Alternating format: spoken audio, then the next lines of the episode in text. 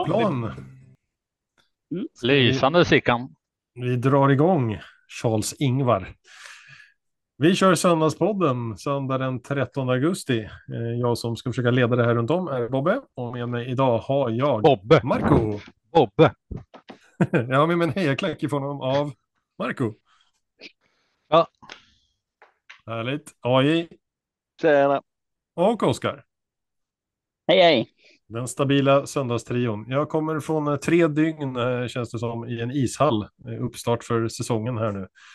Eh, jag har gjort en djup intervju med Mjölby Hockeys nya tränare som bland annat konstaterar att han älskar trav. Bra kombination av världar kan jag säga.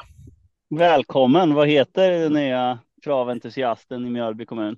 Jens Brännström. Eh, tänkte jag få tutta ihop eh, er två där, Oskar. Så kanske det blir något litet event för eh, laget eller någonting. Det låter ju lysande. Mm. Ja, vad är på gång annars då, Marco? Har du målat något i veckan? Ja, jag drack jag när Tobbe mål. Ja, men du har tittat på när färg har torkat. Ja, lite så. Det var trevligt. Hur är läget i Skåne? Ja, det är stabilt nu känns det som. Till och med vädret det har ju kommit tillbaka. Sommarvädret har kommit tillbaka lite grann så att eh, nu, nu känns det bra. Mm. Och i Östergötland, Oskar? Du är hemma igen efter semester? Ja visst, jag har varit eh, en vecka utanför Varberg och upplevt stormen Hans. Eh, kändes ju kanske lite onödigt i och med att jag följde vädret hemifrån också. Jag var asnöjd när det skulle vara bra väder dagen efter och så spöregnade och då såg jag att min väderapp eh, stod kvar på Mantorp. Eh, men ehm, eh, vi hade trevligt, det var avkopplande och, och ehm, ja, vi fick uppleva i alla fall sista dagen här så fick vi se lite några trevliga badplatser och så där som vi som visade sig att vi hade gått miste om. Men det var avkopplande i alla fall. Vi hade trevligt ändå. Mm. Det finns många olika sätt att roa sig på. Eh, Ett av dem är att titta på V75 på lördagar. Eh, Och igår var det då på Åby. Och sju rätt gav ungefär 1,3 miljoner. Vad säger vi om utdelningen? Den var väl bra. Kolla bra. Var det motiverat? En 1% och en 2% smällde till. Alltså jag, jag tycker nästan att utdelningen var lite låg i, gentemot hur, eh, vilka som vann loppen. Men eh, det kan vara bara jag som tycker för att de flesta favoriter brände. Hade blivit ännu högre om inte eh, favoriten blev struken av den 6. Jag hade Celia som spik och så vart SNF eh, struken så då hamnade alla streck på, på Celias. Ja, det är klart. Men eh, en annan fråga då. Eh, Alltså, är det så jäkla mycket bättre utdelning när det är jackpot? För det känns som att det, alla gör mycket större system. Det är antagligen fler som får sju rätt och så vidare. Alltså jag, för min del, jag bryr mig ju inte alls om det är jackpot eller inte. Jag vill ju bara, ja, jag tycker det är en kul omgång och jag vill följa V75 och jag vill, jag vill ja, ha, ha någonting som kryddar det och följa travet. Där men det känns som att det är väldigt många som är så jävla på. Ja, jag får ta en analys på det. Statistik. Hur många system eh, är det per, kron, per krona? Ja. Men av den två såg vi från eh, badtunnan och det ser ut som Karl Trive först. Såg ni loppet? Jag har inte hunnit kolla på det efteråt. Nej, jag tyckte Melby Joker höll undan. Ja. Det tyckte jag var tydligt direkt. Ja, okej. Ja, vi var ju, var ju bland 14 annat för meter ifrån med, med ett glas emellan där. Lite öl. Även, även en blind höna i det här fallet. Jag hade ju Melby Joker som första häst förra söndagen. Jag hade ju koll på det. Mm. Sen gick det inte så bra i övrigt, men det är en annan sak. Jag, jag bara känner här med alltså jackpot och grejer. Nu, om man tittar resultatlistan här. I första avdelningen så brände favoriten och sen var det ju liksom hela vägen. Vi hade en 2% och en 1% som vann. 1,3 miljoner. Jag tycker det är lite snål utdelning, men tydligen så var det många som spelar gigantiska system verkar det som. Ja, det är det jag menar. Frågan är alltså, har man så himla mycket för och, och, och lägga extra krut på jackpot-omgångar för att det är så många som gör det? Ja, det,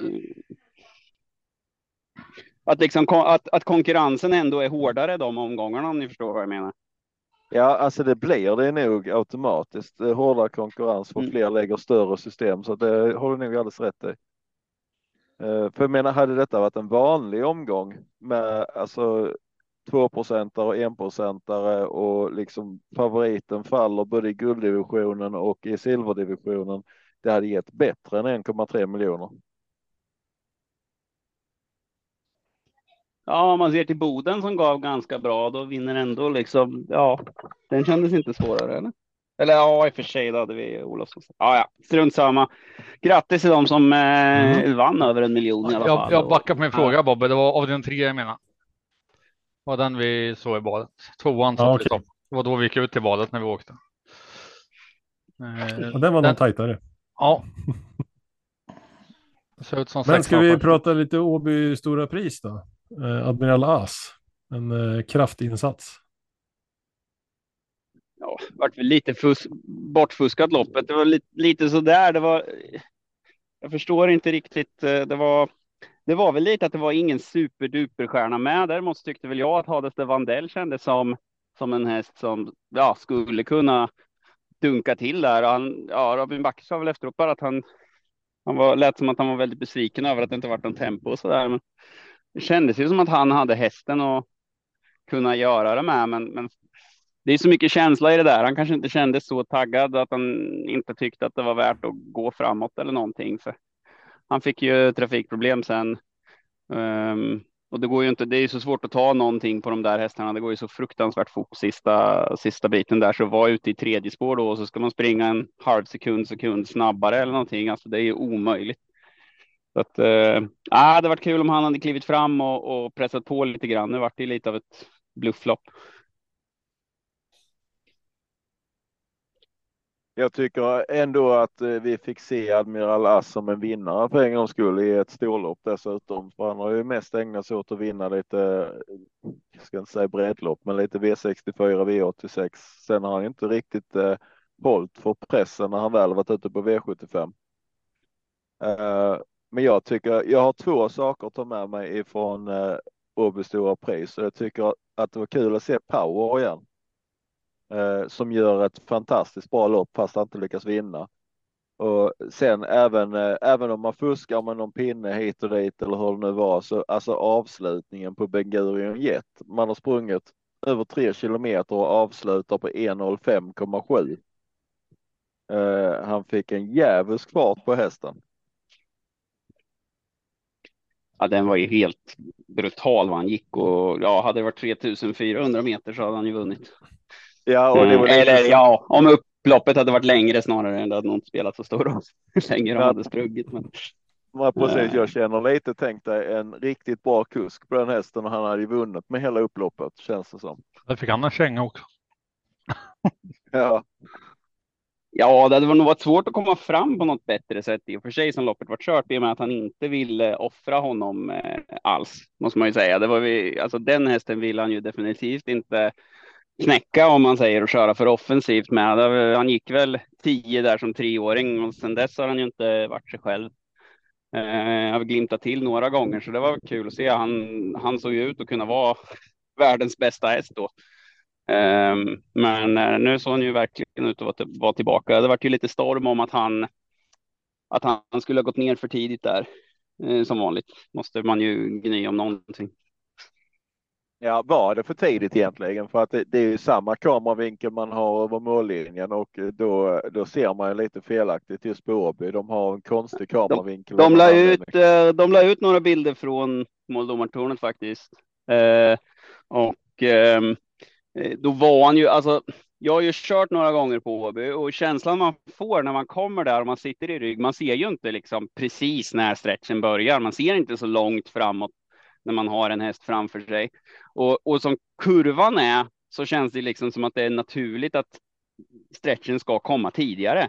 Men det blir liksom att man kommer ut ur kurvan, sen blir det rakt en stund och sen kan man gå ner på stretchen. Alltså man, det känns ju som att eh, direkt när rakan börjar så ska man kunna gå ner, men så är det inte riktigt. Eller så känns det inte i alla fall. Så jag har också varit på väg ner för tidigt flera gånger. Eh, så det där, är inte, det där är inte så lätt som de som ja, sitter hemma och kollar Ska du tro. Liksom. Så att, som jag såg det, jag såg någon från sidan och då, då var det rätt så tydligt. Han, han drar i vänstertömmen, ser att shit, jag är inte på open stretch än. tar tillbaks hästen, väntar, sen går han ner. Eh, men någon tyckte ju, eller flera tyckte ju då att han, att han ja, gick ner alldeles för tidigt och så vidare. Och visst, han var innanför eh, någon pinne där med hjulet som halva fältet hade varit lite tidigare. Eh, men, men han håller ju igen hästen och han förlorar snarare på manövern i och med att han drar vänster, sen tillbaks höger och sen ner igen. Eh, så att det, jag tycker den, den kan man släppa. Eh, och det, det, är lite för många som har lite för dålig koll som drar igång lite drev så där på Twitter och så vidare också. Alltså, det måste väl ändå finnas mer intressanta saker att diskutera än om domarna har dömt rätt. Jag menar herregud. Mm. Jag bara undrar, när man, när man såg den här hatstormen på Twitter då att åh, kolla Gocciador och han sneddar på, det är två, tre pinnar kvar eller vad de värsta skrev. Hade det varit samma storm om det hade varit Örjan Kihlström som hade gjort samma sak? Känns inte som det. Eh, dessutom var det ju så att de, de försökte ju med också då att, att det var att Björn inte kunde gå ner på grund av det. Men alltså, Goop var ju på väg ut i andra spår långt tidigare för att alltså ta en häst från ryggledaren och sen ner två spår. För det är som sagt, du ska genom kurvan. Då är det naturliga liksom är att flyta ut lite så att säga. Så om man inte har en häst som bryter ner kraftigt, då är det ju fördelaktigt att gå, att gå på och få liksom lite mera, vad är det man säger, att man får med sig kraften liksom som man gör i eh, skidåkning och cykel och allting, liksom att man, man får den, den draget. När man ska gå ner på stretchen, då måste man ju liksom ja, nästan växla om så att säga. Du får en snävare kurva än när du, när du kliver på ut ur kurvan. Då har du nästan nytta av att liksom gör kurvan lite vidare så att säga. Eh, så att, att gå går ut i andra spår istället när han ser att han har den möjligheten. Han går ju ut långt innan stretchen, så det, det är det som gör lite också att Goop som Gocciador har rygg på går utåt och då ser det ut som Gocciador går neråt. Men ja, oavsett så för, jag förstår inte det där att man ska skälla på domarna så himla mycket. Jag menar, det är konstigt då att folk inte, att det är svårt att rekrytera domare när man håller på så där. Det verkar vara en folksport oavsett vilken idrott vi håller på med. Så det, det finns lite här och där. Ja, har vi något annat mm. Eh, kort avslutande kring Åby innan vi stänger eh, lördagen? Oj, det var ju massor. Jättemånga bra prestationer. Eh, och jag får väl be om ursäkt till Admiral Alans med en gång där att jag sa att det varit ett blufflopp. Han gjorde det ju givetvis jättebra och Örjan körde ju perfekt så att det är ju ingenting, inget ont om honom. Det var ju kanonbra. Givetvis, det var mera rent sportsligt så hade man hoppats på ett lite mera rafflande lopp, men eh, det var ju en ruggigt snygg seger. Det går inte att säga annat. Och som du säger, nu visar ju Admiral Alans det här att som de har lovat eller som man har sagt och väntat på att det ska vara en topphäst. Eh, nu visar han ju att han har hemma där. Mm. På tal om snygga segrar tycker jag man, faktiskt man ska lyfta eh, Dante Colgjini också. Det var ju oh, ja. enligt, eh, enligt eh, regelbokens alla. Vi ska ha rygg på Örjan och sen eh, tar vi dem på stretchen. Verkligen. Vilken avdelning var det? Fem. Varandra. Var det femte? femte. Dominic Wibb. Mm. Den har ju, den har ju du dragit in platspengar på. Han har lyft sig lite, Dominic Wibb. Var det första segern på två år och då tar han den i, i en eh, bronsfinal. Det är snyggt. Mm. Ja, det var väl. Ja, just det. Han var tvåa eh, tidigare, stämmer. Eller trea. Mm. Men det var riktigt snyggt kört måste jag säga. Ja, verkligen. Eh, det var, det var tajt där i första sväng med, men det var nog ingen fara. Det var, ja, han tog för sig helt enkelt. Nej, eh, ruggigt bra. Om vi kollar, jag tycker eh, Working Class Hero, inte bara för att det var min häst i loppet. Jag tyckte han var ju fantastiskt fin. Det var en ruggig insats. Eh, Kapten Brodde, Anki Panky Pinkman var väl bra de också, men han var ju otroligt bra. Eh, Sen hade vi Melby Joker mot Karat River. Mm. Det är lite märkligt, många galopper i de här, i alla fall inledning, inledningsloppen. Eh, där just det, avdelning två som du sa med Melby Joker, där, galopperar ju både tvåan, trean och femman i stort sett direkt i starten va?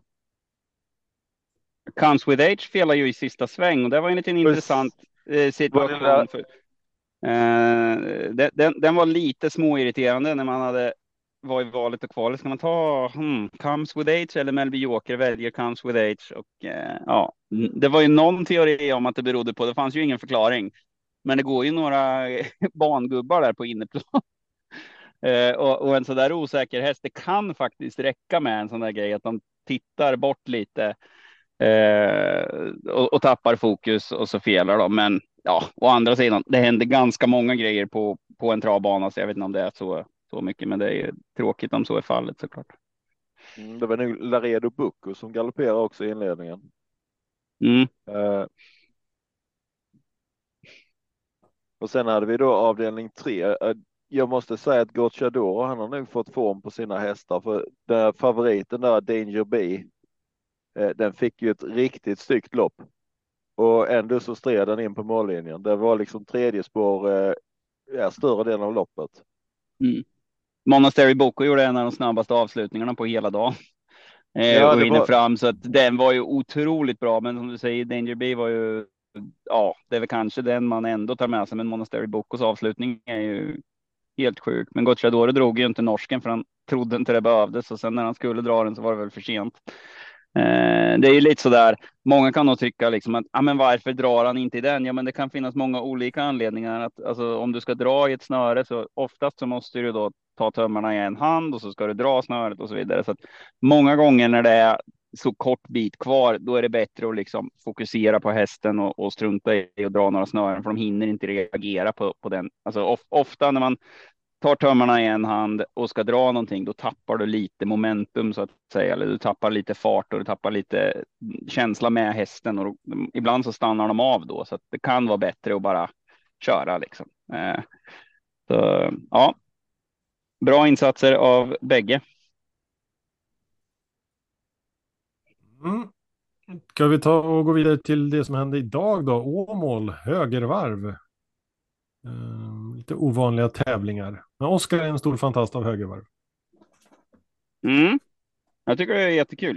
Uh, tyvärr har jag ju eh, suttit i bil på väg hem så att eh, jag har inte fått njuta av dem. Jag är väl inget eh, större fan av korta banor. Det, det är lätt att köra vilse på dem och så där så att jag har inte. Jag har inte hunnit att se, men jag hade det faktiskt på i örat i, i bilen. men tyvärr var jag tvungen att köra så jag fick inte se det. Ja, det var visst lite förvirring där om man var i mål eller inte, men det gick ju bra ändå till slut. Hur var det där inför, inför den här tävlingsdagen? Det framgick väl någonstans typ i något tävlingsprogram eller någon startlista att man körde just högervarv denna tävlingsdagen? Eller? Hela tävlingsdagen heter The Right Way. Ah, det verkar vara en hel del folk som har missat det, i alla fall om man då kollar på den här fina plattformen XVA. Uh.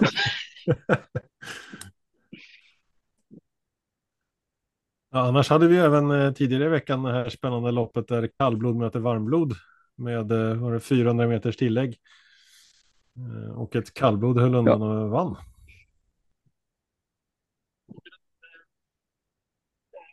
Mm, har, har, det hänt många jag gånger? Nu kollar, jag, nu, nu kollar jag på Björn Goop och Stefan Persson som kör finish här ett varv för tidigt. Så tittar de bakåt. Jävlar, det är ett varv kvar.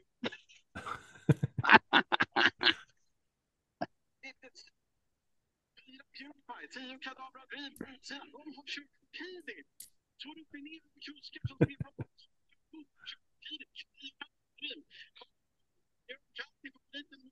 en bra poddmaterial där.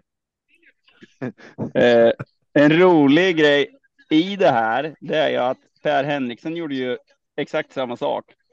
Eh, och om jag inte minns fel nu, eh, det här är ju Per Henriksens häst, så det vart ju inte lättare för hästarna eh, när, när han satte upp någon annan kusk, för de kunde ju inte räkna rätt varv heller. Det där har nog bara hänt Per Henriksens. Alltså jag tror det var hans sambo eller vem det är, det var någon annan som stod för den, men det var egentligen hans. Ja, den gjorde, det måste ju vara en av Stefan Perssons skönaste segrar ändå när man gör bort sig så totalt och sen räddar hästen ändå och han vinner ändå. Då är det lättare att köra på Tingsryd. Ja, betydligt. Men det är lite kul att det var just Per Henriksens häst och, och så är det Stefan Persson och Björn Goop. Goop hade ändå egentränad också. ja. Tingsryd är lite mer sådär när man, när man känner igen, när man kommer någonstans där man känner att oh, här har jag varit förut, då är man i mål. mm. Ja. Ja, du hade någon kommentar kring eh, kall och varmblod där, AI? Mm, eh, jag har inte kollat statistik, men det, jag tänker bara på vad jag själv har sett. Det är väl inte jätteofta som kallbloden orkar hålla undan för varmbloden. Det Nej, loppet. det är min bild också. Eh, jag har för mig att de har lyckats att få det så att det är precis varann, varannan gång. Men jag kan ha fel på det.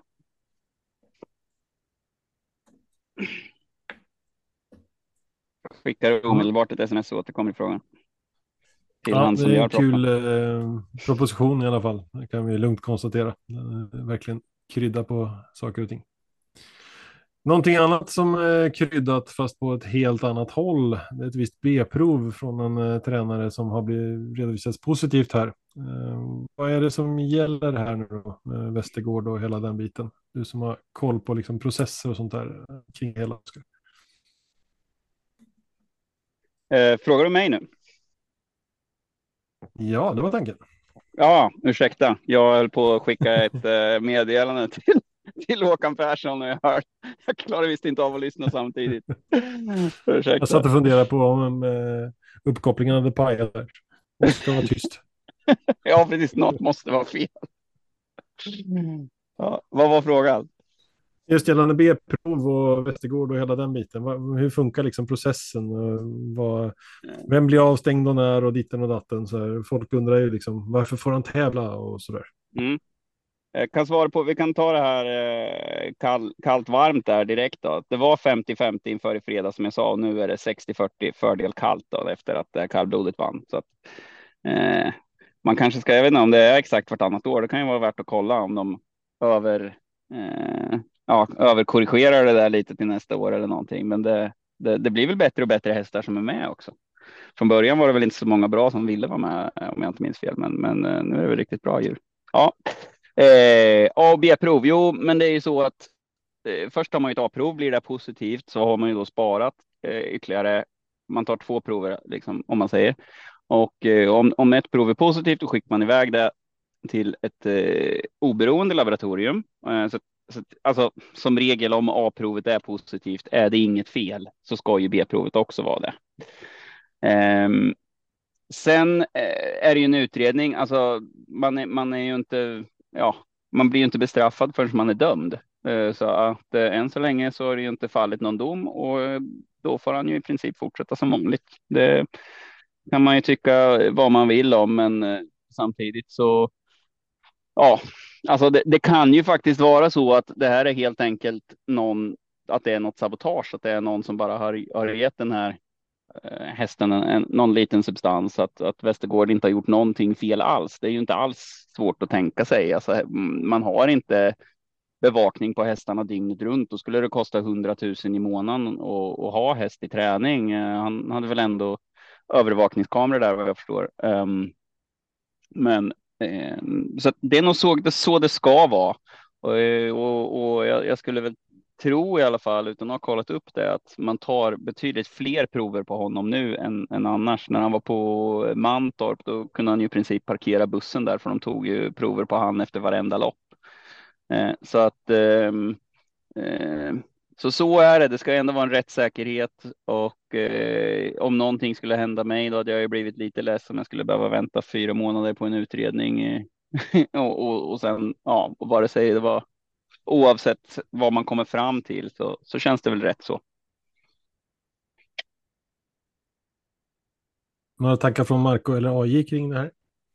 Mm, jag måste bara tänka där som Oskar pratar om nu i det här dopingfallet att eh, tränare, någon, någon form av sabotage kan ha varit inblandat och att tränaren inte kan ha koll.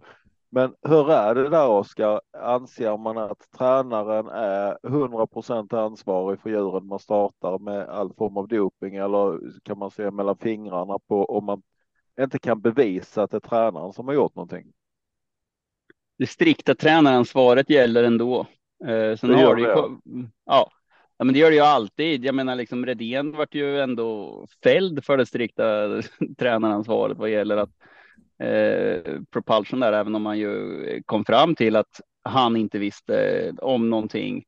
Eh, det gjorde ju mig lite mörkrädd i och med att då ska jag ha koll på en häst som i tidigare träning till exempel har fått anabola eller blivit nervsnittad som, som propulsion vart eller vad det nu är.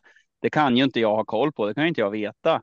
Men det strikta tränaransvaret gäller och det är väl helt enkelt för att man ska kunna döma någon, att man inte ska kunna eh, gömma sig bakom en målvakt eller så. Eh, Jag Så att- tänker mig lite, lite som ett vanligt företag fungerar att om man inte kan peka ut någon så är det ju vdn som är ansvarig.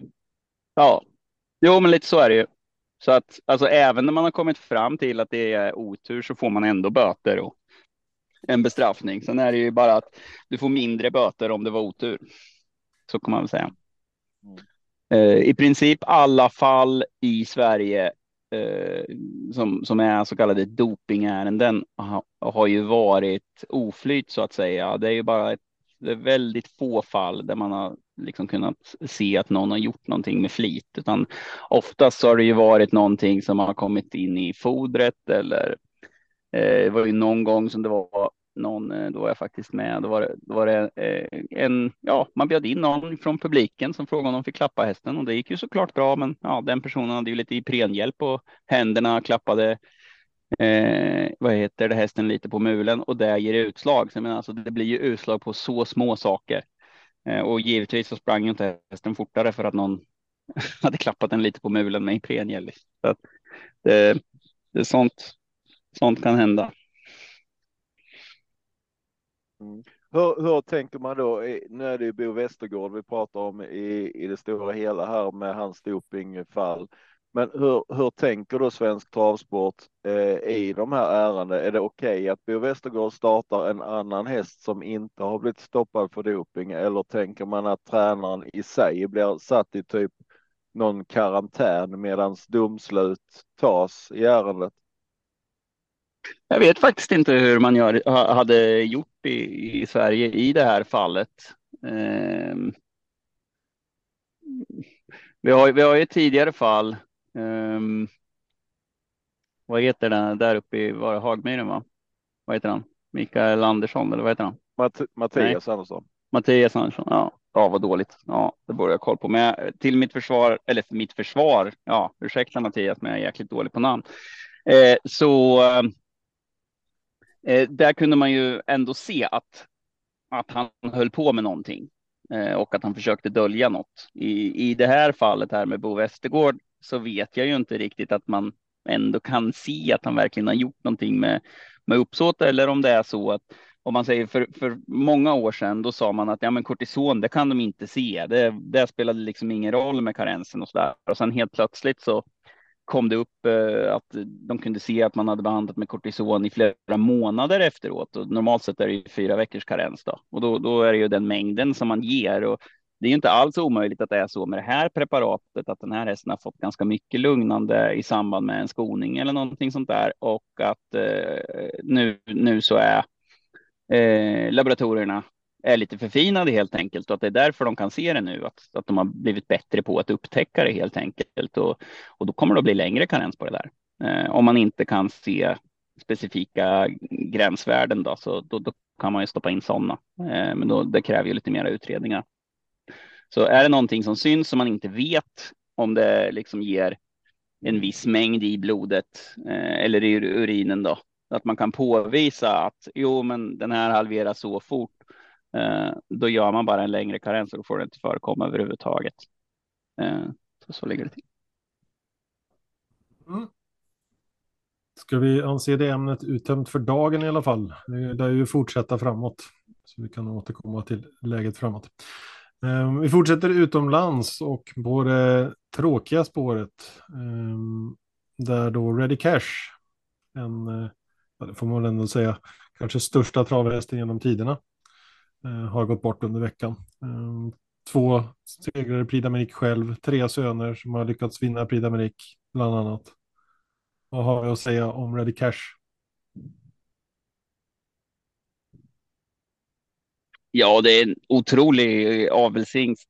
Eh, det, är, det är ju topp, topphästar varje år. Kommer väl att vara i något år till som kommer fram efter honom. Det är väl ja, den klart bästa. Många säger Muscle Hill, men han är nog faktiskt snäppet bättre måste jag säga. Ehm, och uh, ja, och hans söner är ju riktigt bra i, i, i aven också. Ridley Express och Brillantissim och, och ja, ett helt gäng till. Ehm, så att det går väl inte att beskriva hur viktig han har varit och, och efter hans intåg så har ju Frankrike verkligen kommit upp sig igen. Alltså jag tycker vi, vi, mm, vi var väl bättre än dem innan dess, känns det som. Och sen efter Ready Cash har de fått fram ännu bättre hästar eh, och, och, den franska travsporten har lyft sig. Sen kan ju det vara att tränarna där har blivit bättre också och så vidare. Det, det, det kan jag inte säga, men, men han har ju betytt oerhört mycket både för, eh, för Frankrike och för, för mm, ja, svensk avel också för den delen. Mm. Han är ju även alltså om man tittar ytterligare ett led på, från uh, Ready Cash. Uh, på, som morfar har ju uh, Ready Cash en hel del intressanta hästar. Vi har bland annat Sun Motör och Kentucky River som vi då har ganska nära bekantskap med från V75. Mm. Så att det, är det har ju varit en riktigt vass uh, avelshingst. Ja.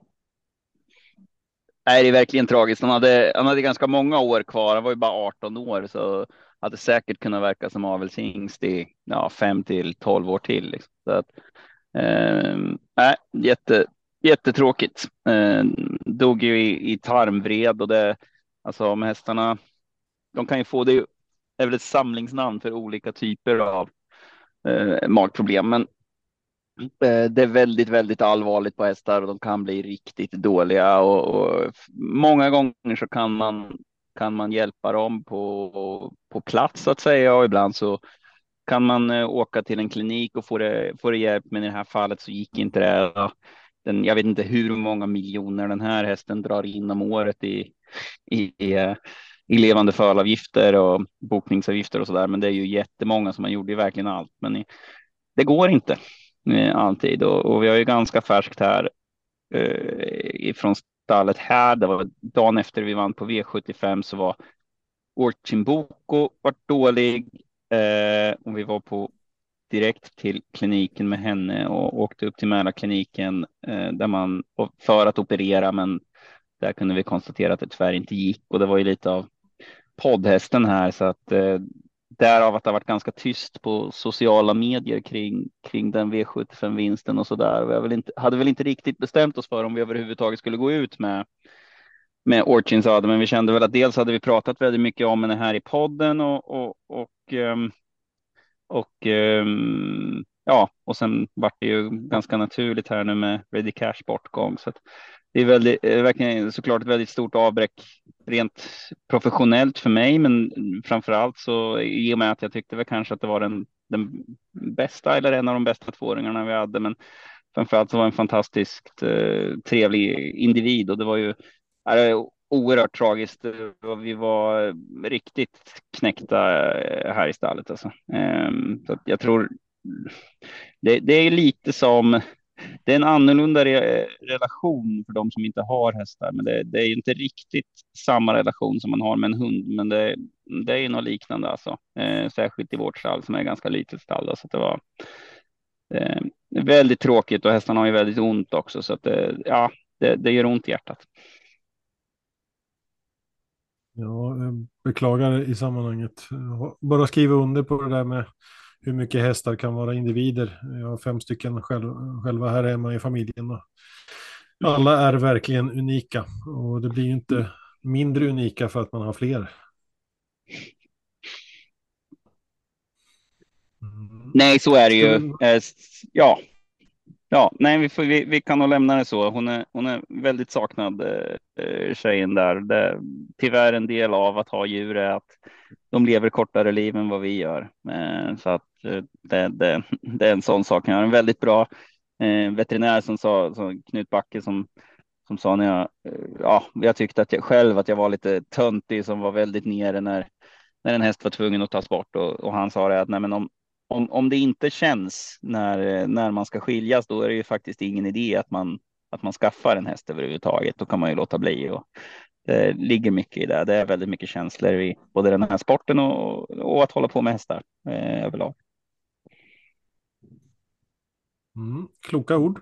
Um, ska vi titta lite mer positivt på stall framåt här nu då? Nu har starter på gång och sånt eh, i stall Svanberg. Mm. Startade Mission här i onsdags när det var V86 på Mantorp.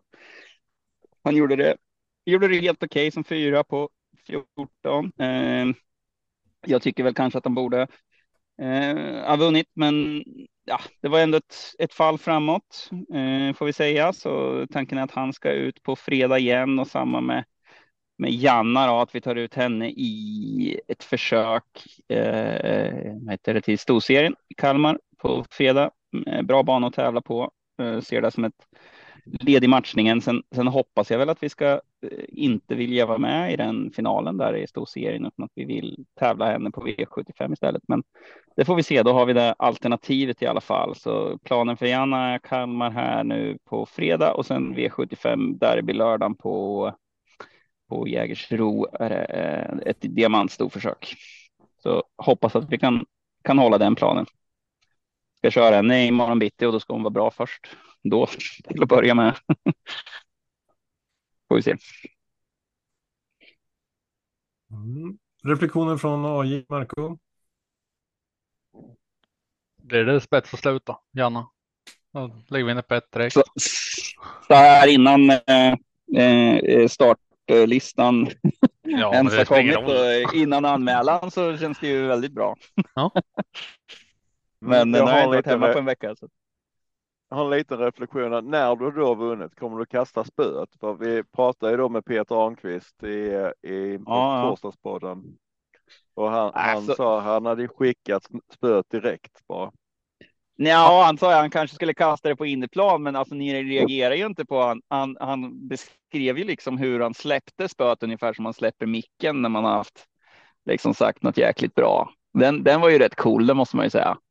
Eh, så det kanske kan bli en sån, men eh, det brukar vara lite mera känslor inblandat så där när jag gör segergest. Antingen så gör jag den bara lite lugnt och då är det inte tillräckligt. Eh, då, då blir det liksom lite tillgjort och, och kasta spöet och sen ja. Kan du inte bygga någon vajer till spöet då? Glad. Vad sa du? Du kan bygga någon vajer till spöet, du kastar det så. Ja, men då är det så till. Det blir ju så tillgjort.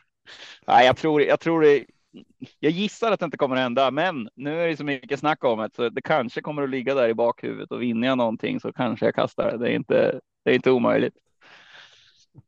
Eller om någon är... har kört jävligt fult mot mig så kanske jag vänder mig om och sular spöet som ett spjut i nyllet på den. Det är inte omöjligt. Blir inte diska bara, så vet vi vem du skyller på sen i podden. Ja, jag kommer nog inte få köra lopp på jättelänge efter det. Ja. Ja, nej, så ligger det till. Dixie, Dixie skulle ha varit igång och startat här såklart. Men eh, ja, Swanface måste vi ha igång. Dixie, Dixie har lyckats hitta på något strul med en hov så att jag var ute och kände på det nu och nu verkar det bra i alla fall. Annars var det hon som skulle ha startat på fredag. Men Eh, ja, nej, men jag jobbar. Jag har legat i hårdträning här hela semestern och försökt få till min eh, strömlinjeformade ansikte och, och, få till det extra bra så att ni kommer att ja, missa inte fredag. Det kan jag ju säga. A.k.a. duckface. Nej, nej, nej, swanface. Swan, swanface. Swanface är ju faktiskt ännu mera strömlinjeformat än jag måste nog få till den här gamla Untersteiner när man så här framåtlutad också, så lite mera som en svan som han hade. Han hade alltid liksom nacken framåt och jätterak i ryggen fram så och sen den swanface. Det kommer det vara. Det är helt nytt. Nyskapande här. Det spännande. Um, mm, mm. Kommer vi in på nästa fråga som eh, kanske blir den sista innan vi börjar titta på V75 och annat i veckan framåt. Hur mycket jobbar en travtränare egentligen? Senaste veckan inte så jättemycket. Um, generellt sett så jobbar vi väl galet mycket. Eh, det har ni kanske märkt, för oftast när vi ska köra podden så jobbar jag fortfarande. Eh, eh, och den gör vi klockan åtta. Men ehm, man jobbar väl lite väl mycket och det är väl lite där. Det är flera tränare som därför många lägger av att det, det tar lite för mycket och det, det, är väl ganska mycket som är. Ehm, ja, dels är det svårt att betala personal för att jobba så mycket som krävs. Vi kanske skulle behöva ta ännu mera betalt eh, än vad vi gör för att man skulle kunna ha det drägligt så att säga. Och sen, ja, det, man jobbar ju också med det för att det är någonting man brinner för. Ehm, så att eh, ja, nej, helst vill man nog inte tänka riktigt på hur mycket man jobbar. Men det är väldigt mycket. Ja, det har vi inte kunnat undgå i sammanhanget. Nej. Vad är det? Ja. Ska vi titta på, ska vi kalla det menyn i veckan, åtminstone huvudrätterna. Eh, då har vi måndag V64 Bergsåker, på tisdag V64 Jägersro. Onsdag bjuds vi på ett extra V75 på Solvalla med det som numera heter Margareta Wallenius Klebergs pokal med en och en halv miljon i första pris och Francesco Zet på start. Torsdag V64 Åby. Fredag nämnda V64 Kalmar som delade med Bollnäs. Och då lördag V75 Romme. Och söndag Grand Slam 75 i Vaggeryd. AJ, vad lockar till spel i veckan för din del, förutom då lördagen? Ja, förutom lördag. Jag tycker vi börjar direkt imorgon för vi har en ganska fin jackpot på V64 från Bergsåker på 5,5 miljoner om jag inte har fel för mig. Um, så att redan där lockar det till spel och även då eh, onsdagens tävlingar. Om inte eh, sportsligt så är det ju något eh, jättebra vi får eh, lov att se redan på onsdag. Ehm, många fina hästar ute förutom Francesco Zet. Ehm, så att Måndag och onsdag känns ju väldigt tidiga för spelet på min del. Marco, har du några nyfikna saker i veckan här? Ja, det är onsdag och lördag som lockar för mig. Och släpper vardagstravet till AI. Jag gör det bäst. Mm, ja, det kan då... faktiskt rekommenderas. Jag brukar haka på uh, några V64 sådär. Eh, ja, det kan man göra med de andra som är med i podden här också för, för, för, för den delen. Men eh, jag gillar ju när man kör V64. Det tror jag du hade märkt att många kunder gillar också. Va? Ja, alltså faktiskt. att man inte kör eh, bara V6.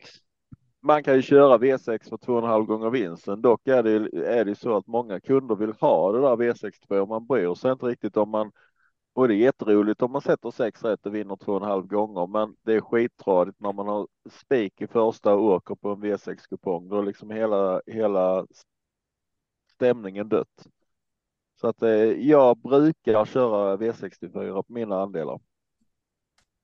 Eh, ja, får man, väl, man får ju lite grann på, eh, man får ju lite på eh, fem och fyra rätt hyfsat ofta i alla fall. Så det är inte ja, så att man ja. bara förlorar två och en halv gång. Nej, precis. Jag har ju faktiskt till exempel haft omgångar där vi vinner 25-30 000 på en V64 på grund av att vi har femmorna. Eh, ja. Där jag har bränt sexan men ändå fått 25-30 000 på fem rätt och då hade man ju varit sur en sån omgång när man har suttit på en V6. Mm. Så att jag brukar köra V64 och jag, jag tänker att många av kunderna gillar det här konceptet. Ja, var köper man jag, jag... då? Det är naturliga frågan. För den som inte har koll på adressen. Oj. Uh, eh, ATG.se slash gottkopet hittar man andelar. Mm. Eller kan man hålla ögonen öppna på vår Twitterkanal. Eller X-kanal, X-files eller vad kallar vi det för? X-files heter det definitivt.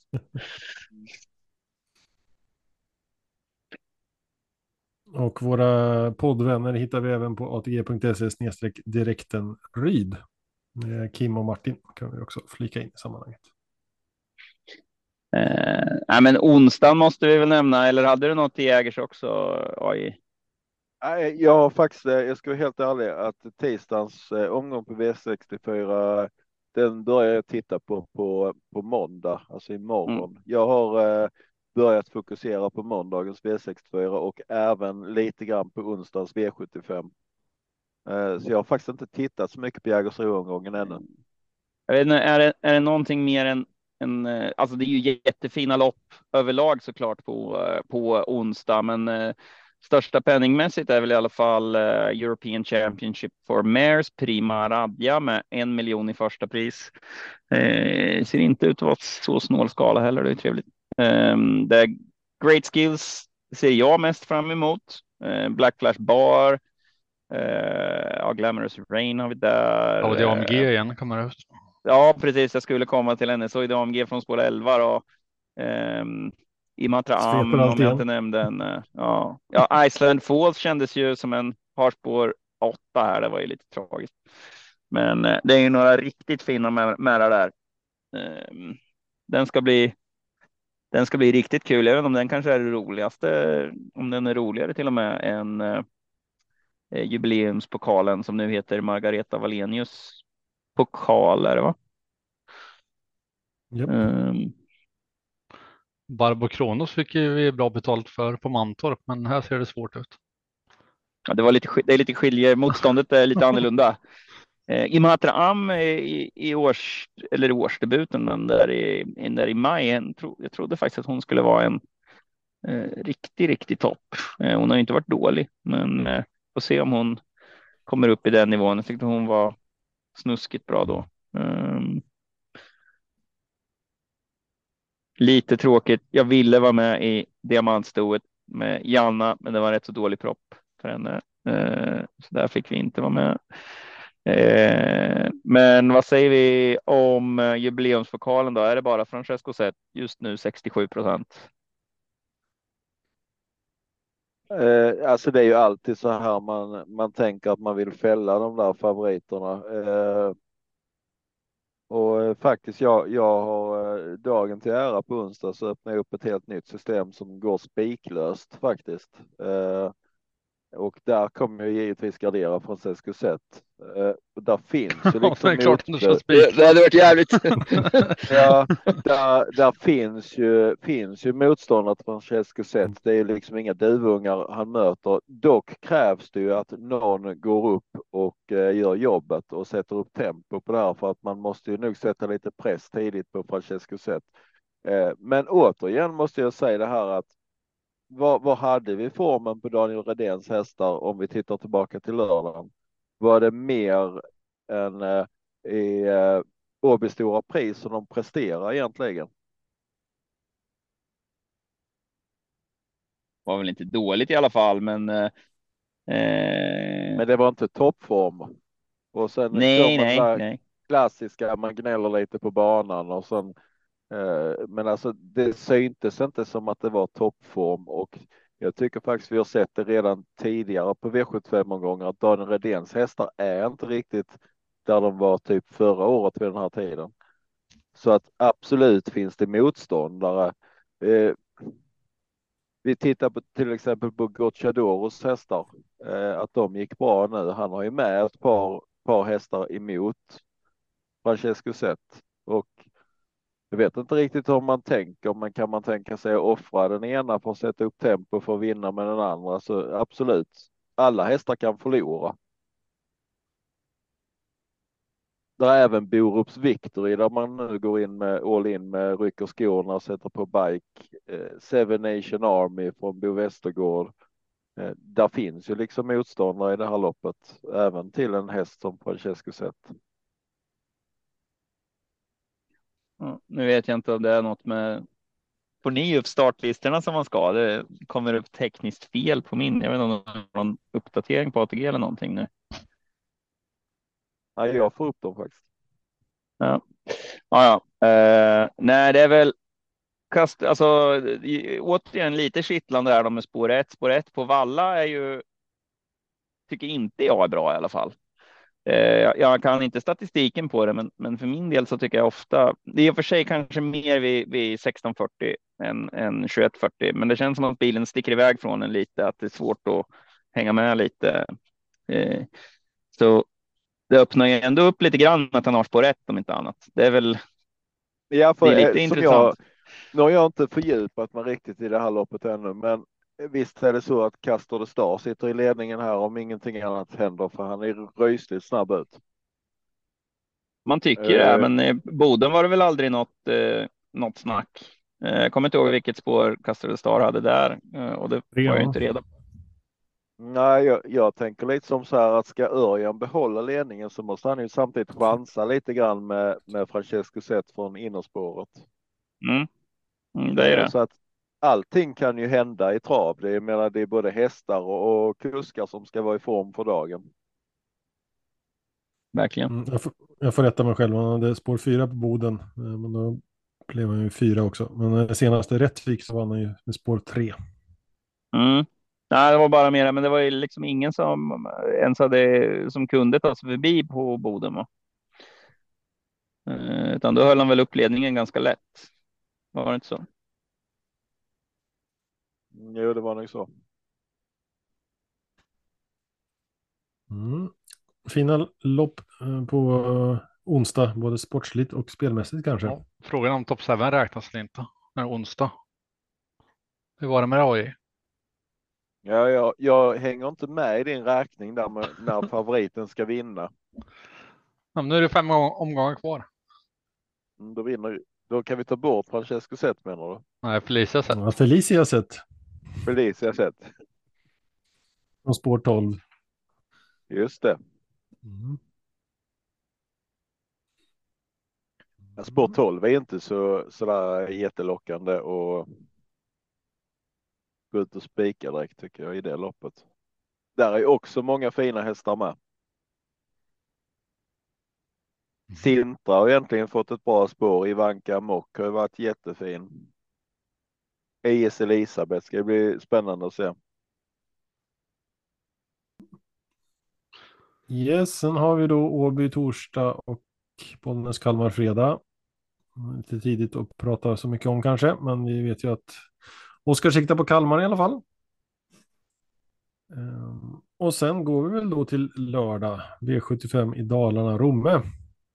Där vi då, som vi konstaterade här om veckan, inte har vinklad eh, startvinge på bilen längre, utan det är rak vinge. Och hur långt är upploppet, Marco? Pass.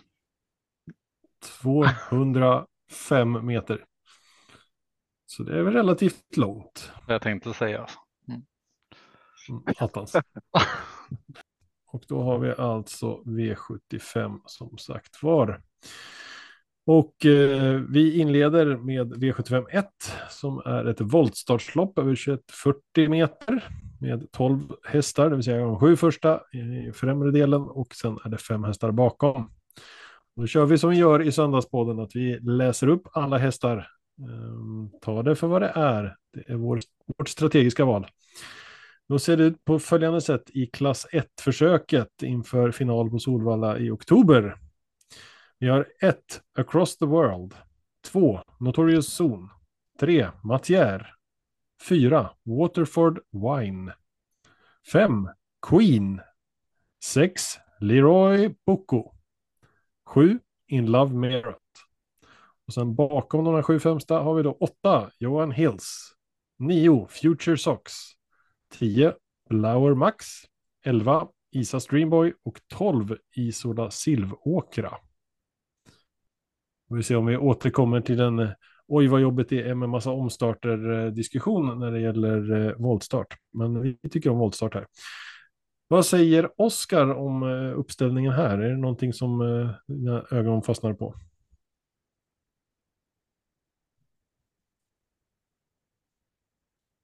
Oskar är mutad, det är därför det är tyst. därför så testar vi att gå vidare till AJ. Mm. Eh, mina ögon faller ju på eh, ett par hästar i det här loppet och jag, eh, jag gillar ju intrycket senast på nummer 12 Isola Silveråkra. Eh, tyckte det var riktigt bra lopp och gjorde i Rättvik där. Eh, men spår 12 i det här gänget, det känns tufft så att mitt första streck vill jag nog lägga på nummer 3 Matier istället. Mm, det noterar vi. Vad säger Marco? Jag var också inne på Isola Silveråkra. Eh, men det var ett tråkigt spår och så var jag inne på Johan Hills, också tråkigt spår. Eh, ja. Vad ska man eh, sluta på då? Ja, men jag säger ändå 12 Isola-Silvåkra. Silveråkra. var första tanken. Ja, det var ju minst sagt imponerande insats senast, det är bara att skriva under på. Um, jag håller med kring spåren och sådär, eh, första anblicken. Um, frågan är vad Leroy Bocco kan göra från springspår, men av någon anledning så fastnar jag på två, Notorious Zon. Uh, eh, Emma Johansson och Martin Malmqvist uh, har ju en hel del aktiviteter ihop där med hästarna. Så. Kan vara en outsider. Så jag flikar in den. Oskar får återkomma när han har möjlighet här sen.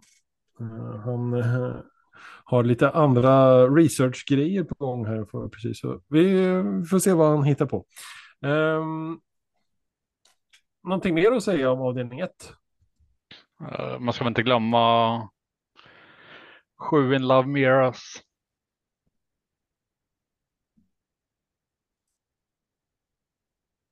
Mm. Vi lämnar det så för tillfället. Och går då till V75 2. Som är ett långdistanslopp på 2640 meter och autostart. 12 hästar. Det är ett klass 2-försök. Också det inför final på Solvalla 14 oktober. Och då har vi följande startande hästar. 1. Timotejs Karamell. 2. Picobello. 3. Effective. 4. Gingras. 5. Great Time Trot. 6. Diamond Socks. 7. Jack's Journey. 8. Global Cry for Mama. 9. Jobs Post. 10. Dajanov. 11. Erion. Och 12. Nikulon. Då får Marco äran att inleda här. Ja, det var inte lätt det här, men eh, första tanken vart ett eh, Timotejs karamell. Mm, varför då? Eh, spår 11 senast eh, över samma distans och vann på en eh, bra tid. Eh, och Emil Leo brukar betala eh, bra när jag spelar den. Så. Eh, nej, men hon har chans fast det är mot Hingstra Vallaka.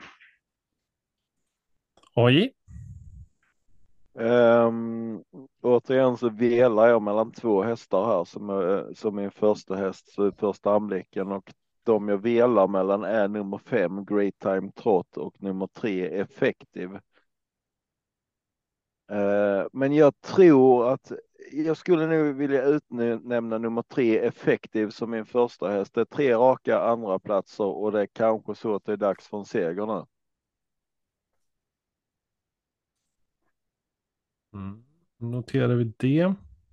Jag tänker på att kusken får inte köra ett varv för tidigt nu. Det är två sex nu igen. eller, gör, eller gör han det och vinner ändå känner jag. Ja, det kan vara ett vinstgivande drag att lägga speed där. Han ger eh, järnet första varvet. Och sen... Ja, det, det, det bröt så här för att Stefan Persson, eller Stefan Persson, Persson Björn Persson, ja, ringde upp, ville förklara sig. Nej, det var Björn Persson. Jag hade hört av mig till honom. Han är före detta måldomare på Åby numera i överdomstolen som jag hade ringt honom tidigare för att höra om det här med Gocciadoro där och, och eh, han förklarade som som vi sa att jo, men han var innanför, men han vann inte fördel av det eh, och att eh, han var ju, ja, han gick in på open stretch via rätt pinne så att säga så att han fick böter där har ju inte med själva open stretch göra utan det är att han var eh, innanför banan lite tidigare. Det såg man Tommy Karlstedt hade också fått 500 för att har varit innanför ett par pinnar då. Um, så att när det är så där lite böter då har man inte varit innanför så många pinnar så att säga. Så att han vann ju ingenting eh, på det där och sen hade vi lite kul åt att just att de fick ingenting för att eh, eh de körde för tidigt. Det var visst ett, ett fall för ett tag sedan på Örebro där kuskarna också körde för tidigt. Då fick de böter för att de inte hade tillvaratagit hästarnas chanser. Eh, men man kan väl konstatera att, att det, var, det var tillräckligt eh, mycket bestraffning och bara få vistas i alla kuskrum här nu i en vecka framöver och, och få skämmas. Eh, så att de behövde nog inget straff idag. Det är inte alltid pengarna fall... som räknas i sammanhanget. Ja, så är det ju. jag har missat några lopp här va? Eh, Vi är alla inne på V75 2. Så vi kan ju ge dig en liten stund att eh, titta lite snabbt på V75 1 och 2 medan jag repeterar att Marco var inne på ett Timoteus Karamell och där hade vi sedan AI på 3 Effective. Jag är lite det, det är ett lopp som kommer garderas på lördag. Ja, det kan jag hålla med om. Eh, Jag är lite nyfiken på vad spelarna gör med Nio Jobs pos- Post. Men var väldigt betrodd eh, och misslyckats några gånger. Kommer den vara på låg procent nu så att den är klart spelvärd tro. Eh, Så jag är nog lite inne på att den är värd att ha med. Det intressanta är ju om man vinner oavsett procent. Eh, jag är inne på din linje också. Uh, var faktiskt precis den jag, den jag satt och, och tittade på. Mm. I första så är det nog. Um, hur har han gått? Eh, Johan Hills nummer åtta. Det noterar vi. Då har vi de två första avdelningarna avklarade. Om det inte är någonting som vi vill lägga till förutom mm, garderingslopp. Någon särskilt som ni vill lyfta mer? Nej. Ja, man kan ju snegla på 10 Dajanov eller Dajanov med Goop som har 71 procent segrar. Men eh, ja. Det blir lite kvar. Troligtvis en ganska bra häst. Skulle kunna vara så. Jag, jag, Det var här ni gillar, hörde det först. jag gillar ju om man ska gardera så eh, nummer sex Diamond Sox gillar jag också faktiskt. Håller med. Ja, det finns många hästar att gilla i loppet. Eh, vi Hur- går vidare till V75 3.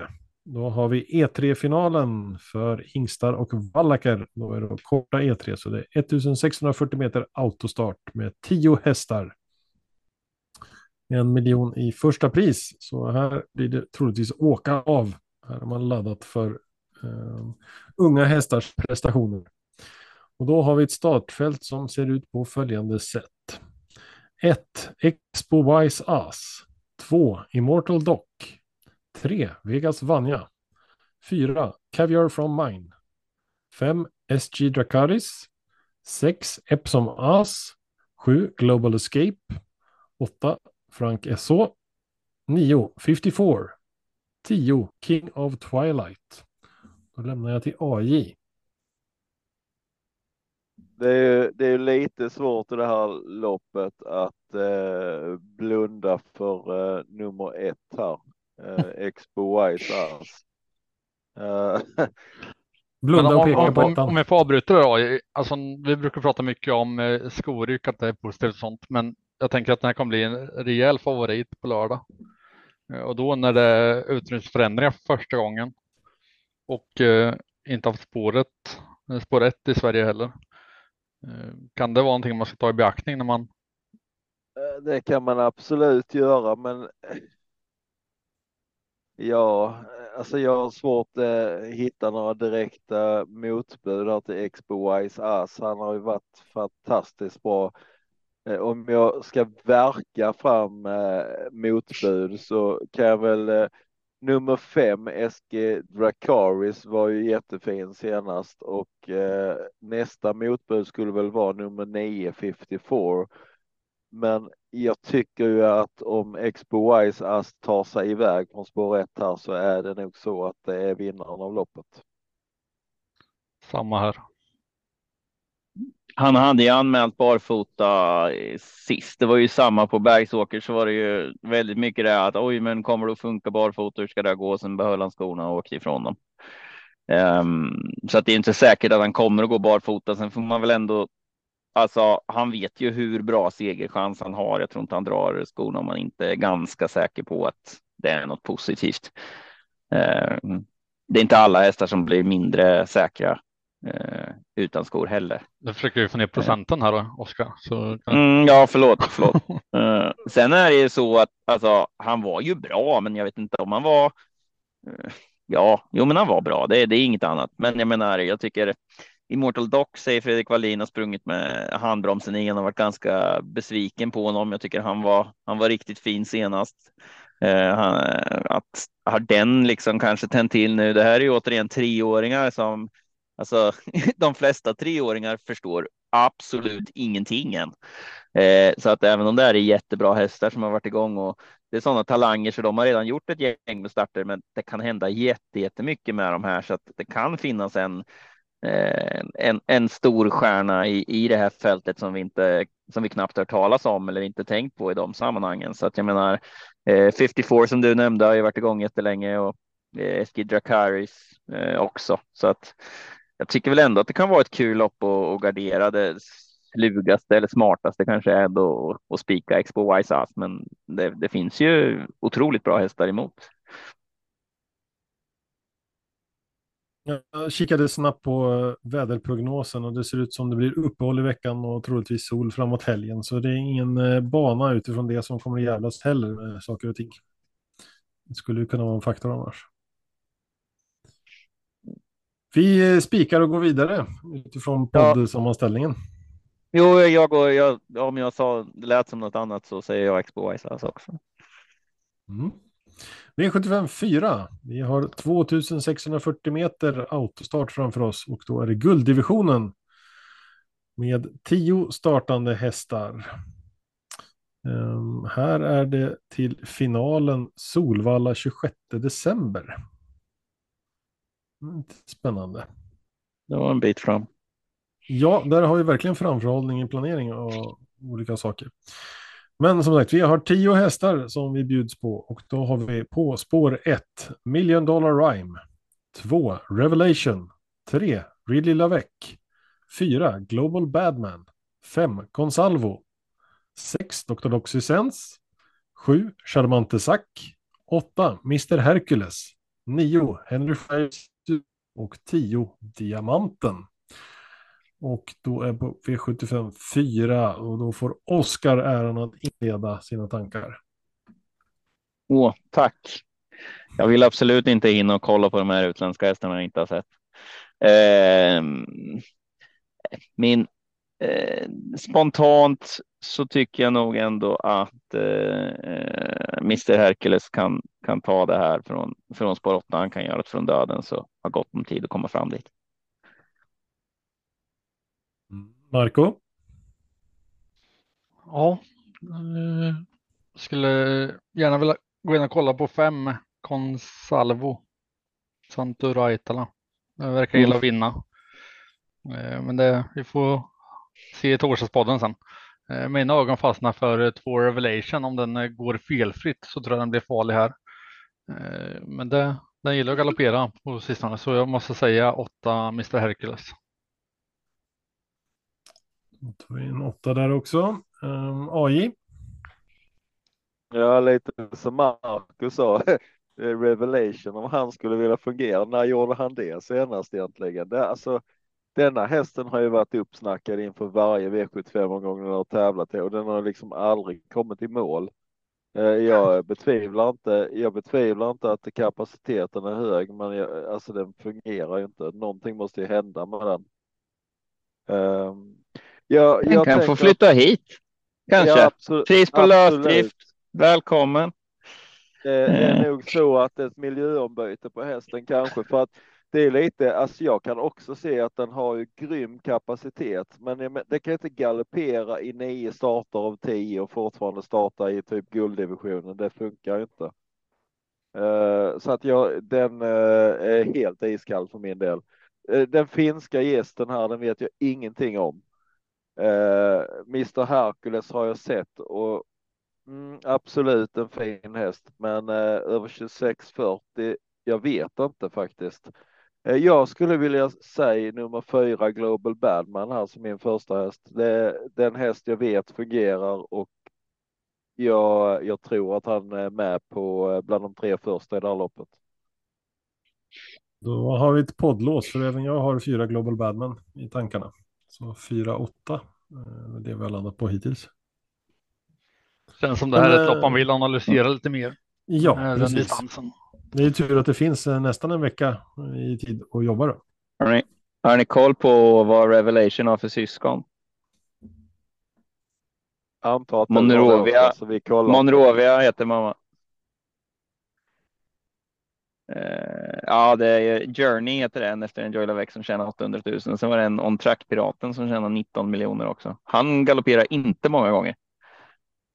Han håller på med hoppningen va, eller hur är det med han? Ja, stämmer. Det är Adrian som hoppar med han. Ja, på ett plojlopp så var det det i alla fall, eller plo- plojtävling. Så det, det var kul att se. Jag såg också det här om veckan. Det var lite oväntat. som gillar det. Piratkostym också, den var mycket snygg. Vi, eh, vi träffade faktiskt på ägaren till Piraten uppe på Axevalla med, med pirathatt på och allting. Så väldigt trevlig människa. Ja, en av dem, de är några stycken. Det är en, en, eh, en kamrat till mig som är, var en delägare också. Eh, de är några stycken, flera av dem är, eh, är väldigt trevliga. Jag har inte träffat alla, men det, det, det är ett bra gäng och de sa det när vi träffade på honom som mötte han i något lopp där som jag vet inte vad han var 12, 11, 11, 12. Han sa att det är helt otroligt. Han har gjort så många starter och så varje gång de rycker norsken så tycker han att det är lika kul varje gång. Han bara älskar ju det där livet alltså. Det var massor med folk som tyckte han skulle sluta, men jag förstår inte. Man kan inte ha ett bättre liv. Alltså, om, om han behövde sluta som tyckte att det var så roligt, eh, då skulle vi ju inte börja med några hästar överhuvudtaget. Det är ju toppenliv att få vara en toppatlet och ta som hand på bästa sätt. Eh, ja, det var sidospår utav mig. då dessutom. Mm. Mm. Mm. Sidospår är uppskattade i den här podden, det vet ni som lyssnar. Ehm, nästa avdelning, för eftersom eh, V754 kräver mer eh, undersökning framåt så återkommer Torsdagspodden till det såklart. Men vi går till V755 då vi har 1640 meter framför oss med autostart och 12 hästar. Det är bronsdivisionen, försök till Solvalla i oktober och fördel ston. Här har vi ett och två, tre ston säger jag snabbt. Top 7-lopp också, Marco. Mm. Så får vi se vad vi tror om favorit och första häst här. Men följande 12 hästar har vi i alla fall. 1. Denarius. 2. Melby Imperial. 3. Filippa BJ. 4. Rosande B. 5. Lindus Muscle 6. Marlon Bocco. 7. Joy Alissa. 8. Rally-Inge. 9. La Sassicaia. 10. So Far Away Ås. 11. Lucifer Bocco. Och 12 Dynamite Sensation. Och stona då i sammanhanget är Filippa BJ nummer 3. Det är 7 Joy Alissa och 9 La Sassicaia. Och eftersom det är Top 7-loppet, Marco, så får du äran att inleda. Aj, aj, aj. Ja, men jag tänker att eh, andra tredjehandaren här kan vinna. Så jag tänker Lindels eh, Muscle Mania som hade fyra segrar i rad innan andra platsen senast kanske blir favorit där. Eh, så då lägger jag mitt bett på två Melby Imperial som jag också tror kommer bli betrodd. Mm, nummer två noteras. Eh, jag kan säga direkt att jag fastnade på samma här. Då har vi två stycken tvåor. AJ, vad säger du? Ja, då, då måste jag nog gå emot er här i detta tipset. Eh, jag tror att det är fel distans på Melby Imperial. Ehm, favorit kommer Lindes Massamania att bli med högsta sannolikhet, men som jag ser det återigen med den här amerikanska stilen och bryta med huvudet till höger och eh, knappt kan springa i kurvorna så jag tror det, den får svårt att ta sig till ledning och kommer den inte ner till inner, till plankan eller vad man säger så, så tror jag den är sårbar. Eh, jag tror att Denarius eller Filippa BJ sitter i ledning. Eh, jag kommer komma med ett udda tips i det här loppet och jag kommer att utnämna min första häst till nummer 12 Dynamite Sensation. Eh, jag såg förra loppet den gjorde när den bara kom och blåste om fältet över upploppet och jag måste nog hålla den i handen den här gången som första häst. Eh, Var det den samma blåste- lopp som Filippa BJ? Det var ju Ja, Visby va? Ja, exakt, den blåste förbi Filippa BJ och hela gänget och den, det gick riktigt bra över upploppet. Nu har den 205 meter på sig här och jag säger nog 12 Dynamite Sensation som eh, min första häst. Jag är inne med en häst från samma lopp, men det är nämnda Filippa BJ, för då, då hade hon spår 9. Eh, nu vet jag inte om hon spetsar är, men, men kan man ta emot Castor the Star som vi nämnde som en häst som är med i eh, jubileumspokalen här på onsdag eh, som man Ja. gjorde då. då mm, Vi har väl sett hur det går för Stone som har fördel i de här loppen. ganska Det många vinner. eh, Ganska bra. Ja. Ehm, nej, men så ja, det är jättemånga bra hästar där, men, men jag får lite känsla för att kan återupprepa det i alla fall. Det var ju en ruggig insats den Mm. gången. Noterbart på 12 Dynamite Sensation att det tredje raka loppet med spår 12. På kort distans. Och ändå vann Ja. senast. Skönt. Mm. Då vet man. Man vet vad man får. Ska vi gå på uh, Oskars uh, namnkryss så har vi åtta rally-Inge också. Ta, ta hänsyn till. Ja, ja, det är klart. Jag kör nog på Filippa ändå. Det är tillräckligt bra. Ja, det var V75 5.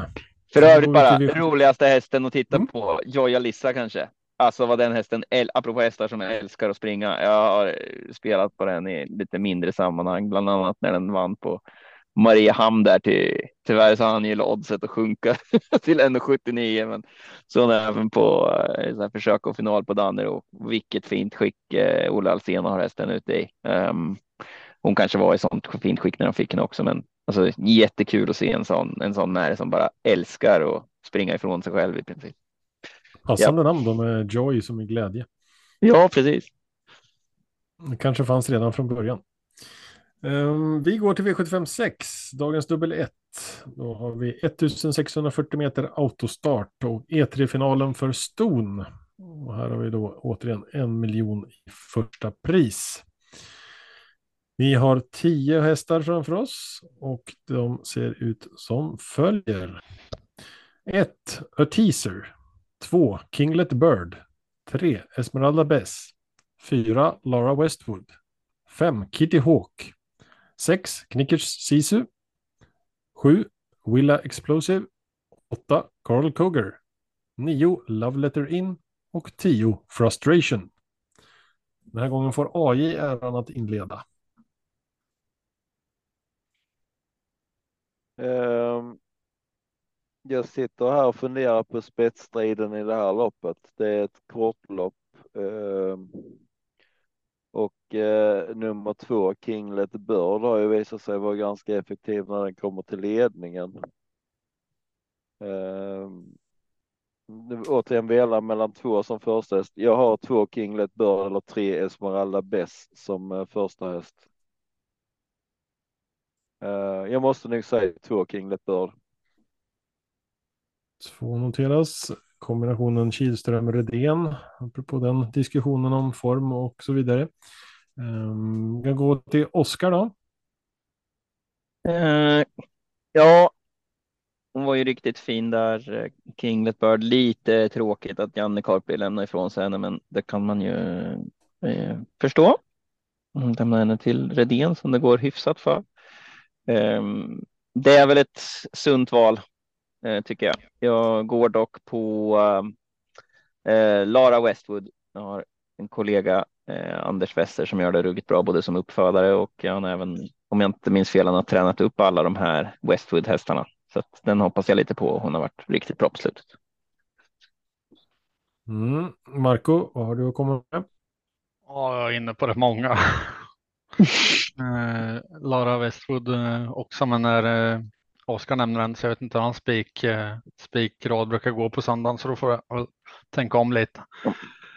Jag har varit Eh. bäst i Sverige precis som du. Är du det? Ja, och inne på Kinglet Bird, Curla Cougar, Lara Westwood. Eh, men nej, Kinglet Bird blir min första, första streck. Ja, jag stod och velade lite här mellan två och fyra. Kinglet Bird och Lara Westwood. Men på, landar på två. Så där har vi någorlunda där. Mm. Ehm, Då vinner Stefan P Pettersson med Kitty Hawk och så har ingen av oss ens nämnt den. Det vore ju för jävligt. Så nu nämnde jag den. Han Ska vi växlar nämna- ner till vanlig vagn. Ska vi nämna Knicker Sisu också med Ulf Olsson? Eh, som är en jättefin häst som eh, kanske inte fungerar riktigt sist. Jag nämna förra vinnaren av E3 som uh, heter Coral Cougar också. Gjort det ganska bra. Så, ja, nej, vi har, vi har ju rent tekniskt nämnt alla. Det har ju Bobby gjort. Så att, då kan vi. Ja, faktiskt. Det är Då har vi nämnt alla. Bra. Vi kör på det. Vi nämnde vinnaren i podden. Sju rätt igen. Jajamän, sju rätt en travpodd. Vi nämner alla vinnare. Eh, 100% vinstgaranti. Synd att man inte får spela så stora system bara. Ehm, vi går till den sista avdelningen för lördagen den 19 augusti på Romme. 2140 autostart, silverdivisionen, försök till Solvalla-finaler 14 oktober och vi har återigen fördel ston. Och 12 hästar bakom bilen. Vi har då följande. 1. Gerben. 2. Born to Run. 3. Don't Say Gar. 4. Donizetti. 5. Digital Class. 6. Global Classified. 7. Bransbys Jukebox. 8. Aragorn As. 9. Santos de Castella. 10. Atomic Face. 11. Hidalgo Heldia. Och 12. Laredo Boco. Och vilka ston vi har här, det är 3 Dosegar, det är 5 Digital Class. Vad säger Oskar om detta utbud? Jag säger att även Laredo Boko får Sport 12 igen. Eh, hade det i, eh, igår också. Eh, felade då kommer ut igen. Eh,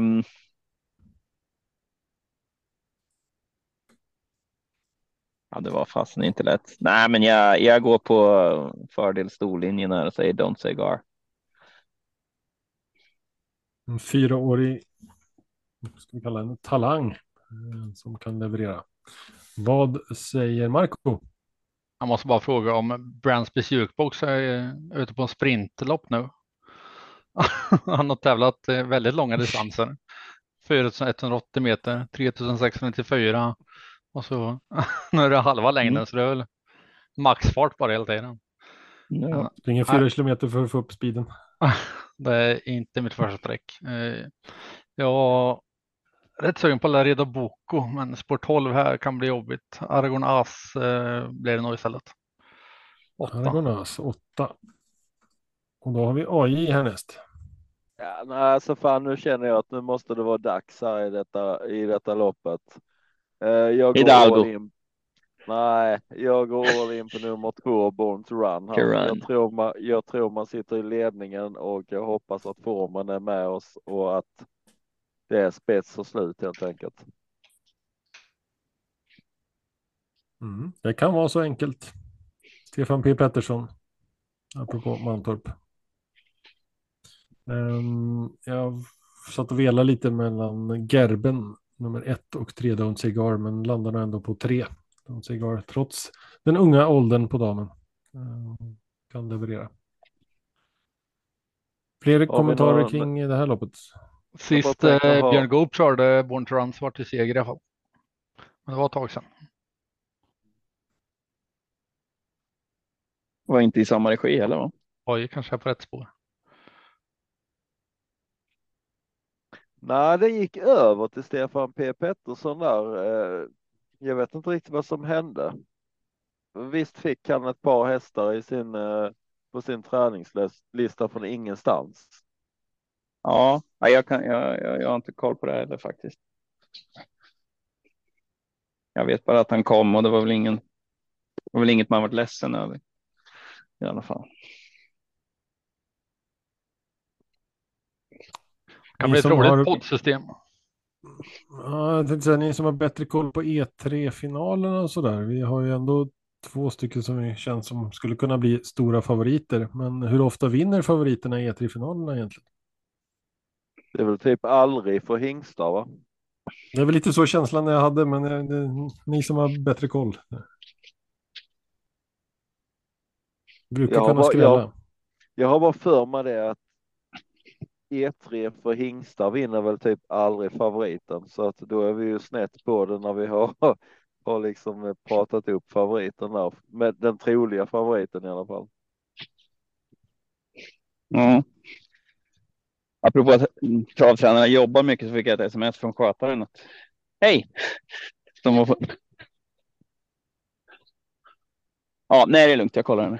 Eh, ja, ursäkta, eh, jag träffade på skötaren som var fodra. Janna går ut. Jag har lyckats att trampa på en sko så jag måste gå och titta på den. Eh, vad heter det? Vad sa vi? Det händer mycket med treåringar. Mm, E3-finaler ja, på treåringar. Hur mm. ser det ut? Vinner favoriterna? Står de? Jag har bara för mig att hing, hingstloppet eller hingstavallacker, det är eh, väldigt sällan favoriten vinner där. Ja, det händer ju så mycket med dem som sagt. Som det, vi, vi, vi pratar ju om det. Så att eh, de, den som är, verkar överlägsen, eh, de, en del är ju bara, har ju bara utvecklats tidigt och verkar helt överlägsna och några utvecklas lite senare. Så det är väl klart, treåringar är ju kanske de som det kan hända allra mest med utvecklingsmässigt. Du kan hitta spikar i några andra lopp då kanske? Men eh, det kan vi återkomma till, eller snarare ni som jobbar stenhårt med det här under ett antal dagar i veckan och återkommer i torsdagspodden. Har vi några avslutande ord annars från Oskar innan vi avrundar? Du som jobbar dygnet runt. Nej, jag är inte riktigt.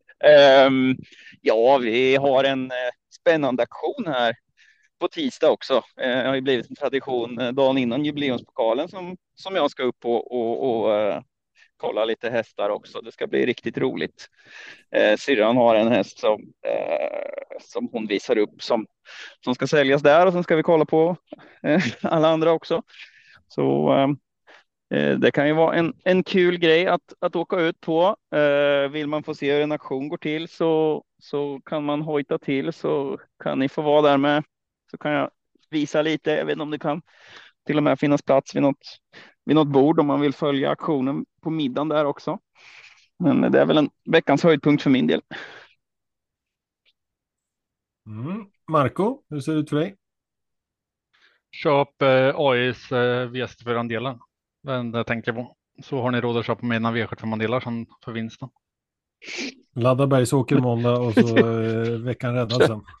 Köp, köp AIs andelar ett tag så kan, har ni råd att köpa mina sen också. Det var snyggt. ja. Och så avslutar vi med AI.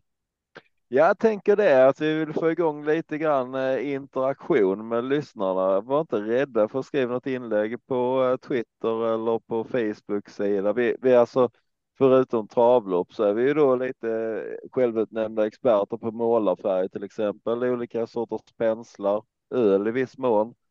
Uh, så skicka gärna iväg, skicka gärna iväg någon fråga eller uh, starta en diskussion så uh, får vi lite grann interaktion med lyssnarskaran också.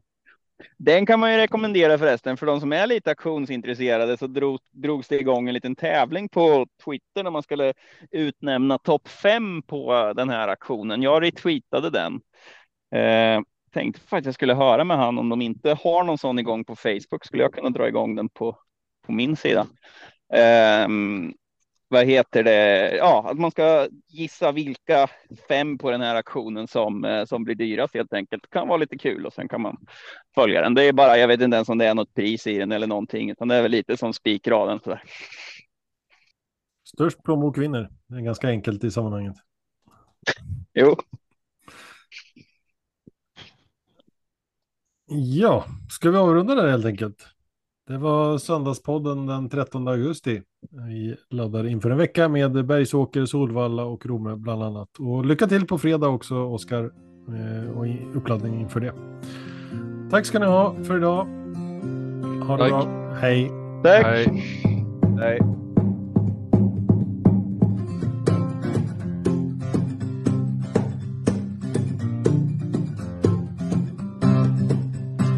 Torsdag kväll och jag väntar på. Att podden släpps och jag känner då. Kan de små inte somna nu. När det senare plingar till är det enda jag faktiskt vill. Att få min egen tid tillsammans med. Gustav, Marco. Tobbe och trav. Lucka V75 och bara koppla av. Sju rätt, en travpott är vägen till vinst. Sen siktar vi mot drömmen och lördag igen. Tja-la-la. Sju rätt, en travpott för dig. Tja-la-la. Vi siktar mot lördag igen.